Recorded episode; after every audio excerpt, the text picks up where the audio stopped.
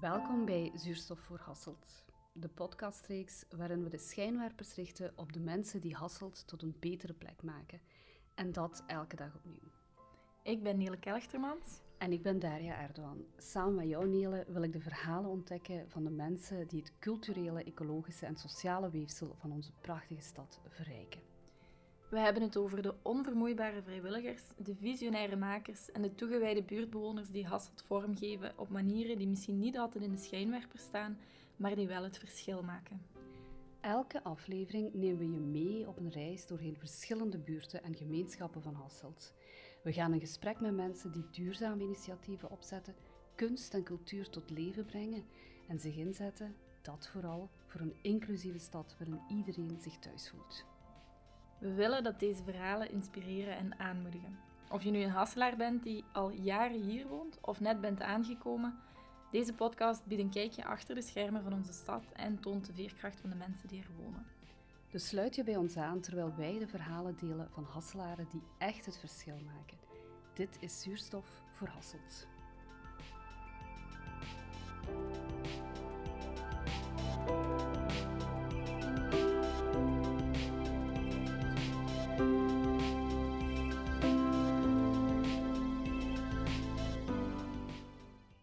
Ik ben Karen de Greve, geboren en getogen Hasselaar. Uh, ik ben uh, eigenlijk heel veel bezig met het Hassels erfgoed als voorzitter van de Erfgoedraad. Ik ben ook voorzitter van de Vrienden van het Stadsmus, Stadsmuseum. Uh, wat ik dus ook wel heel belangrijk vind, omdat we daar toch de geschiedenis van onze stad, en dat is een rijke geschiedenis, dat we die kunnen voorstellen aan de bezoeker, aan de toerist. En af en toe schrijf ik eens een boek en dat heeft dan ook te maken met Hassels onderwerpen.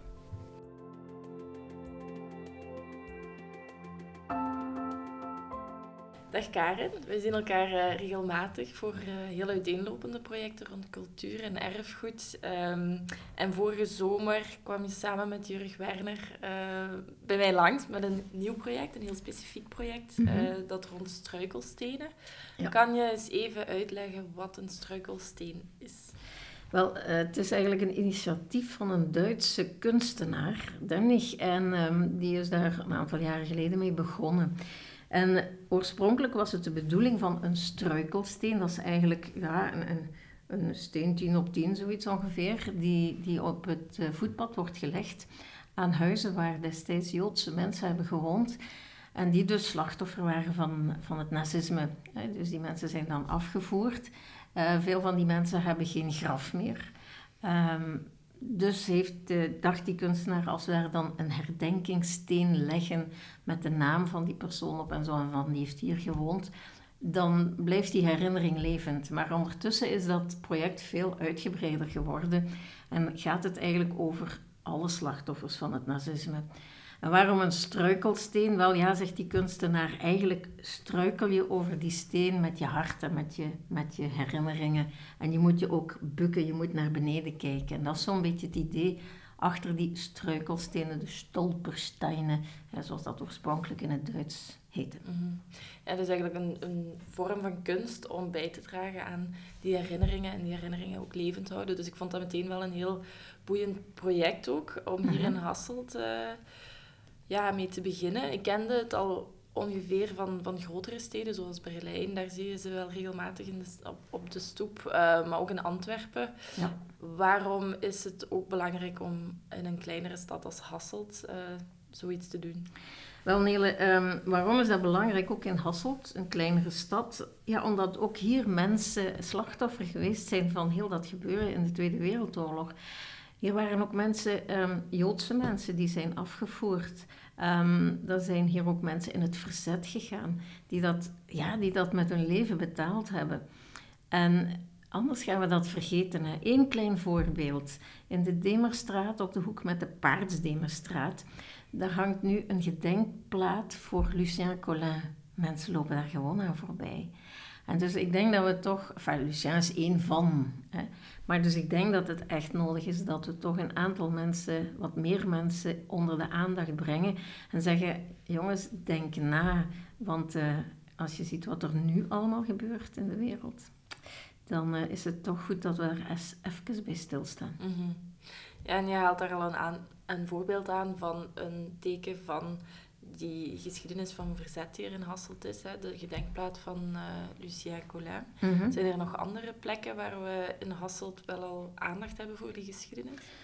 Uh, voor de geschiedenis uiteraard wel. Hè. Uh, ja, ja de, gewoon al door publicaties die, die er gebeurd zijn. Hè. Onlangs nog over de, het refugiehuis, hè, de Herkenrode mm -hmm. kazerne. Kazerme, zeggen ze dan in Hasselt. Um, dus er zijn ook historische gebouwen waar, waar aandacht voor is. Je hebt het museum. dus dat is wel, maar het mag altijd meer zijn natuurlijk. Ja, en welke mogelijkheden zie je rond herinneringseducatie noemen ze dat dan. Dus het in, in leven houden van die herinnering aan Wereldoorlog 2, aan het verzet. Uh, welke mogelijkheden zie je daar rond het project van struikelstenen? Wel, uh, die struikelstenen zijn dus denk ik een eerste stap. Hè? Dus uh, je gaat, dat gaat sowieso al onder de aandacht komen en dat vind ik ook heel goed. En dan kan je daarmee naar het, naar het onderwijs stappen. Ik weet wel, dat is misschien een cliché, maar daar moet je beginnen. Uh, als je begint met die jonge mensen, en daar is interesse hoor, bij die jonge mensen. Dat, dat merken we ook wel eens in het Stadsmuseum, in het Stadsmus, waar we ook al eens een paar keer dingen gedaan hebben met jonge mensen, ehm, studenten uit, de, uit het humaniora. Daar is interesse van, maar je moet het de mensen uitleggen. Je moet het die jonge mensen uitleggen en dan, dan gaan ze samen met jou op zoek. Daar geloof ik dus echt in. En dus die struikelstenen, dat is een eerste stap. Ja. Ja, ik denk inderdaad ook om de link te maken naar vandaag. Waarom het zo belangrijk is wat mensen in het verleden hebben gedaan. Om daar vandaag ook nog steeds bij stil te staan. Dat dat wel uh, een heel tastbaar voorbeeld gaat ja, ja, want we zeggen altijd hè, um, dat je moet leren uit het verleden. Mm -hmm. Maar ik vrees dat de mens nog altijd niet echt geleerd heeft uit het nee, verleden. Helaas. Helaas, ja.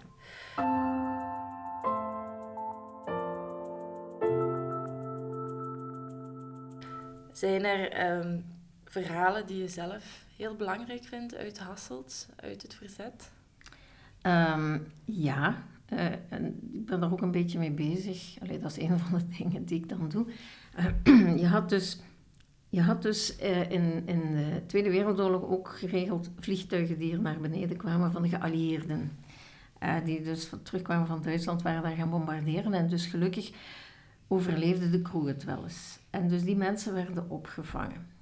En die kwamen naar zogezegde safe houses. En die had je dus ook in Hasselt. Er waren verschillende plekken, verschillende mensen die dan die, die, die mannen, het waren meestal mannen, opvingen. En die werden dan van hier weer verder, Brussel zo, naar Spanje en zo naar... Maar dus die mensen die die, die uh, piloten opvingen, die wisten dus wel van, verdorie, als ze ons pakken, dat is de doodstraf. Dus uh, in die zin, uh, dat, is, dat is belangrijk en dat, dat is dus iets wat ik toch wil, wil neergeschreven hebben. Mm. We hebben het al gehad over plekken in de openbare ruimte waar er nu al sporen van het verzet terug te vinden zijn. Um, er is bijvoorbeeld de gedenksteen van Lucien Collin, maar hij was niet alleen in zijn verzet. Hij had um, hulp. Ja, ik ben blij eigenlijk dat je die vraag stelt, um, want we vergeten wel eens dat die verzetsmensen dat die ook getrouwd waren. Ze hadden een man of ze hadden een vrouw, ze hadden kinderen. Dus niet alleen die verzetsmens was het slachtoffer, maar ook die hele familie. Dat mogen we echt niet vergeten. En uh, ja, Lucien Collin was getrouwd met Tina Lucas en eigenlijk ze waren allebei in het verzet. Uh, ze werkten mee aan de komeetlijn, dus uh, opvang van geallieerde piloten. Uh, nu, Tina Lucas was, was wel een heel bijzondere madame hoor. Die had al daarvoor, tijdens de Spaanse burgeroorlog, had ze hier al Spaanse kinderen opgevangen. Uh, maar ze wist dat dat tijdelijk was, dus ze dacht, ik ga die kinderen geen Nederlands leren, ik leer wel Spaans om met die kinderen te praten. Dus om ze maar even te schetsen. Maar dus zij zat samen met Lucien in het verzet. Ze zijn dan verraden geworden, um, allebei opgepakt, allebei naar concentratiekamp. Lucien Collin heeft het niet overleefd. Uh, Tina is dan verhuisd naar Ravensbrück en is uiteindelijk eigenlijk met een beetje geluk vrijgekomen, omdat uh, normaal was zij dus ook ter dood veroordeeld, maar omdat de dossiers nog niet in orde waren en dat was de Deutsche Grundlichkeit, mochten ze haar nog niet uh, fusilleren. En is ze dus bevrijd kunnen worden. Daarna is ze overal haar verhaal gaan vertellen, omdat ze dat heel belangrijk vond. Maar we hebben nog zo van die, van die plekken hè, die toch wel belangrijk zijn. Ik denk bijvoorbeeld aan, aan domein Kiewit. Wij kennen dat nu als de kinderboerderij. Maar dus op het kasteel zat dus ook het verzet in de Tweede Wereldoorlog. En ook daar is dan uiteindelijk een overval gebeurd door Duitse SS'ers. En daar zijn negen mensen uiteindelijk doodgebleven. En dat is dus ook iets wat we toch elk jaar proberen te herdenken. Op de Campus Steenweg staat een mooi, een mooi monument. Volgend jaar is dat 80 jaar geleden. En wat gaan we nu doen? We gaan van elke man die op, elke naam die op dat monument staat, gaan we een podcast maken. We gaan dus het hele verhaal vertellen van die man, die man, die man en die man. En dat gaat dan eindigen ja, met toch wel een, een, ja, een, een evenementje uh, ter gelegenheid van 80 jaar Dolle Dinsdag. Klinkt als een heel belangrijk project opnieuw, hè? want uh, ja, het blijven, blijven vertellen van die verhalen, dat het niet alleen namen blijven, maar ook dat ze een gezicht krijgen. Dat is heel belangrijk. Lijkt me heel belangrijk. Uh, daarom is het ook zo waardevol wat jullie doen vanuit erfgoed en met de erfgoedraad. Um, en ben ik blij dat we met de struikelstenen daar ook weer een stap kunnen zetten in het vertellen van die verhalen. En mag ik het ook even omkeren? Wij zijn ook blij dat, uh, dat jij als schepen ons daarin steunt, want daarzonder gaat het niet. Fijn om te horen. Uh, want ja, we hebben het al een paar keer aangehaald dat, oké, okay, de herinnering is belangrijk, maar ook voor, voor jongeren vandaag om stil te staan bij de vraag, wat, wat doen we zelf als we geconfronteerd worden met onrecht, ja. wat we zien. En ja. helaas is dat er nog altijd vandaag. Ik denk dat dit een hele belangrijke link is naar het verleden. En uh, om te reflecteren over wat we, wat we zelf zouden doen. Mm -hmm. Wat maakt dat jij je persoonlijk hiervoor inzet, voor dit onderwerp? Oh, eigenlijk moet ik dan even teruggaan in mijn geschiedenis. Uh, mijn moeder, haar eerste echtgenoot, was uh, een beroepsmilitair van het 11e linie. Ja, in Hasselt waren ze allemaal bij het 11e linie. Um, en die man is, die is eerst gewoon, gelijk alle militairen, gewoon opgepakt als krijgsgevangen naar Duitsland. En dan, ik denk in 1943, terug vrijgekomen. Dan is hij ook in het verzet gegaan. Uh, ook weer verraden geworden. Nacht en nebel, mocht dus niet meer terugkomen. Is ook nooit meer teruggekomen. En uh, ja, dan later heeft mijn moeder mijn vader leren kennen, is dan hertrouwd. En uh, ik heb dat verhaal heel vaak gehoord. En ik heb een dagboek van die man. En als je dat dan leest, nu dat ging over krijgsgevangenschap, maar toch al, dan, dat is geen verhaaltje, dat is iets wat echt is. En dat heeft mij toch wel, wel ertoe aangezet van, jongens, uh, ik, wil, ik wil er meer over weten en we moeten, we moeten die verhalen moeten we koesteren, die verhalen moeten we blijven vertellen. Ook naar jonge mensen, zoals we al zeiden, ook eens zeggen tegen die jonge mensen van, stel nu dat jij en dat dit gebeurt en dat jij in de plaats bent van zo'n verzetsmens, zou je dat durven? Ik vraag mij dat dikwijls af.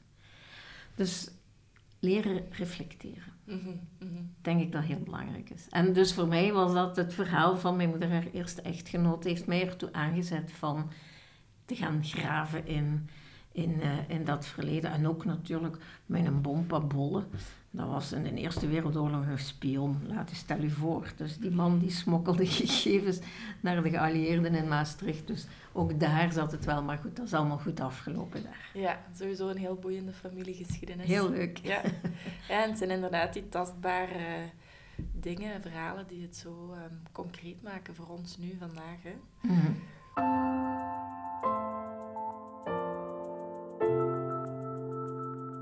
En de laatste jaren wordt er meer en meer ingezet op het eh, in leven houden van die verhalen rond het verzet. Hoe komt het dat die zo lang uit ons collectief geheugen verdwenen lijken te zijn? En hoe komt het dat dat nu terug um, wat meer in de kijker wordt gezet? Ja, dat is, dat is eigenlijk een heel interessante vraag. Um, ik ben zo ooit naar een uh, voordracht geweest van een zekere Bruno de Wever. Hè broer van. Um, en, en die had het daar ook over. Uh, want over collaboratie, daar horen we heel veel over. Um, daar is heel veel over geschreven. Maar ook de mensen die ja, beschuldigd worden van collaboratie. Enfin, die, die, sommigen vinden dan dat hen onrecht is aangedaan. Dus die maken veel lawaai, als ik het zo oneerbiedig mag zeggen. Terwijl verzetsmensen, die, die doen het omgekeerde. De meesten willen daar zelfs, of wilden daar zelfs niet meer over vertellen. Die, die zijn veel discreter geweest en zo. En daardoor zijn veel van die verhalen nooit, nooit naar buiten gekomen. Er zijn veel min, in, in verhouding veel minder uh, naslagwerken over geschreven. over collaboratie kan je echt naslagwerken vinden. Over weerstand bestaat dat niet heel echt. Bruno de Wever is daar nu mee bezig, samen met nog mensen van het SOMA. Uh, dus dat, dat komt nog wel. Maar dus waarschijnlijk heeft dat te maken met het feit dat die mensen discreet bleven, wat ook nodig was mhm. tijdens de oorlog. Heel wat van die verzetsmensen hebben zelfs geen erkenning als verzetsman aangevraagd. Dus men weet het zelfs niet. En waarschijnlijk heeft dat daarmee te maken. Mhm. En dat moeten we nu proberen goed te maken. Mhm. Ja, ik denk dat het daar ook best tekenend is dat 8 mei, de dag van de bevrijding, of de dag van um, de val van het fascisme eigenlijk, ooit een feestdag was, ondertussen niet meer. 11 november is het wel nog steeds een feestdag. Mm moet voor jou 8 mei opnieuw een feestdag worden en waarom? Uh, ik vond het alleszins al heel fijn, uh, bijvoorbeeld ook het evenement uh, van het Nieuwstedelijk en zo. Dus ik vind dat dat wel moet. omdat je zegt het ook 11 november, dat, dat weten we nog altijd, hè, binnenkort weer, dat is een grote viering. En 8 mei, ja, ah ja, wat, ah, wat was dat? Wat, wat, was dat? Vraag dat eens aan jongeren. Ze weten het niet meer. Nee, nee, ik vind, het, moet, het moet, voor mij moet dat echt, ik zeg niet dat het een vrije dag moet worden dan weet ik toch dat dat niet meer lukt. Maar uh, ik vind dat die dag toch inderdaad die aandacht mag krijgen gelijk dit jaar. Ik vond dat een, een mm. prachtig initiatief. Ook met het voorlezen van al die namen. Jongens toch, dat was, ik vond dat heel beklijvend. Niet per se een feestdag, maar meer een herinneringsdag waar de nodige aandacht aan, aan dat verleden wordt besteed. Mm Er zijn dan ook mensen die zeggen, ja, 11 november is al een dag om de vrede te herdenken en het einde van de oorlog. Waarom zou 8 mei dan nog extra moeten zijn? Ja, het gaat over twee verschillende oorlogen. Hè. Mm. En 11, 11 november, eh, Wereldoorlog 1, toen hebben we al gezegd nooit meer oorlog. Ik denk dat we dat moeten blijven herhalen. We zijn mm. roepende in de woestijn. Hè. Mm. Nooit meer oorlog. Nee, ik vind, ik vind dat 8 mei, omdat uh, zeker ook Wereldoorlog 2, toch ook als je kijkt hoeveel mensen dan doodgebleven zijn wereldwijd, sorry, ik vind dat dat zeker nodige aandacht verdient. Ja. Oké, Karen, ik denk dat, dat uit alles wat hier gezegd is geweest wel heel duidelijk is dat erfgoed u nauw aan het hart ligt. Je bent sinds dit jaar ook terug voorzitter van de Erfgoedraad. Ehm, waarom is het belangrijk dat we blijven inzetten op erfgoed? Ehm, ja, omdat ik vind dat je de herinneringen aan het verleden, die moet, die moet je bewaren. Hè. Als je wil uitleggen waarom ziet Hasselt er nu zo uit, hoe is Hasselt gegroeid, ik vind dat, ik vind dat wel belangrijk door het verleden kan je het heden en, en begrijpen en misschien ook de toekomst uh, voor een stuk. Um, en, wat ook is, ik heb dat bij mezelf ervaren en je ziet dat toch vaak bij, bij andere mensen ook. Op het ogenblik dat je je gaat interesseren in het verleden, in geschiedenis, geschiedenis van de stad, uh, gebouwen, weet ik veel, dan uh, meestal zijn dan die mensen die het nog kunnen vertellen, zijn er dan niet meer. Want je begint daar veel te laat mee. Dus daarom dat ik zeg van oké, laten we nu vanuit erfgoedraad die dingen nu al vastleggen voor de jonge mensen van nu. Dan kunnen die zich misschien nu al vragen beginnen stellen. Want als zij dan weer zich vragen gaan stellen, zijn wij er misschien niet meer. Ik hoop dat ik heel lang ga leven, maar ik bedoel maar. Um, dus ik denk dat het in die zin belangrijk is. Mhm. Zeker en vast. Merci voor het gesprek, Karen. Graag gedaan. En merci ook om al die verhalen voor ons mee te vertellen en mee te bewaren. We vertellen graag.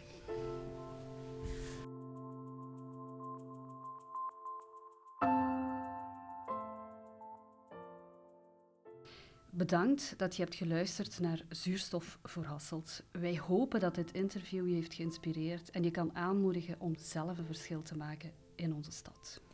Als je meer wil weten over de mensen en initiatieven die je in deze reeks hebt ontdekt, bezoek dan onze website voor aanvullende informatie en bronnen. Je vindt de link in de beschrijving van deze aflevering. Wil je reageren op een aflevering? Contacteer ons gerust. We willen graag horen wat jou inspireert en hoe jij bijdraagt aan de positieve verandering in Hasselt. Tot de volgende keer.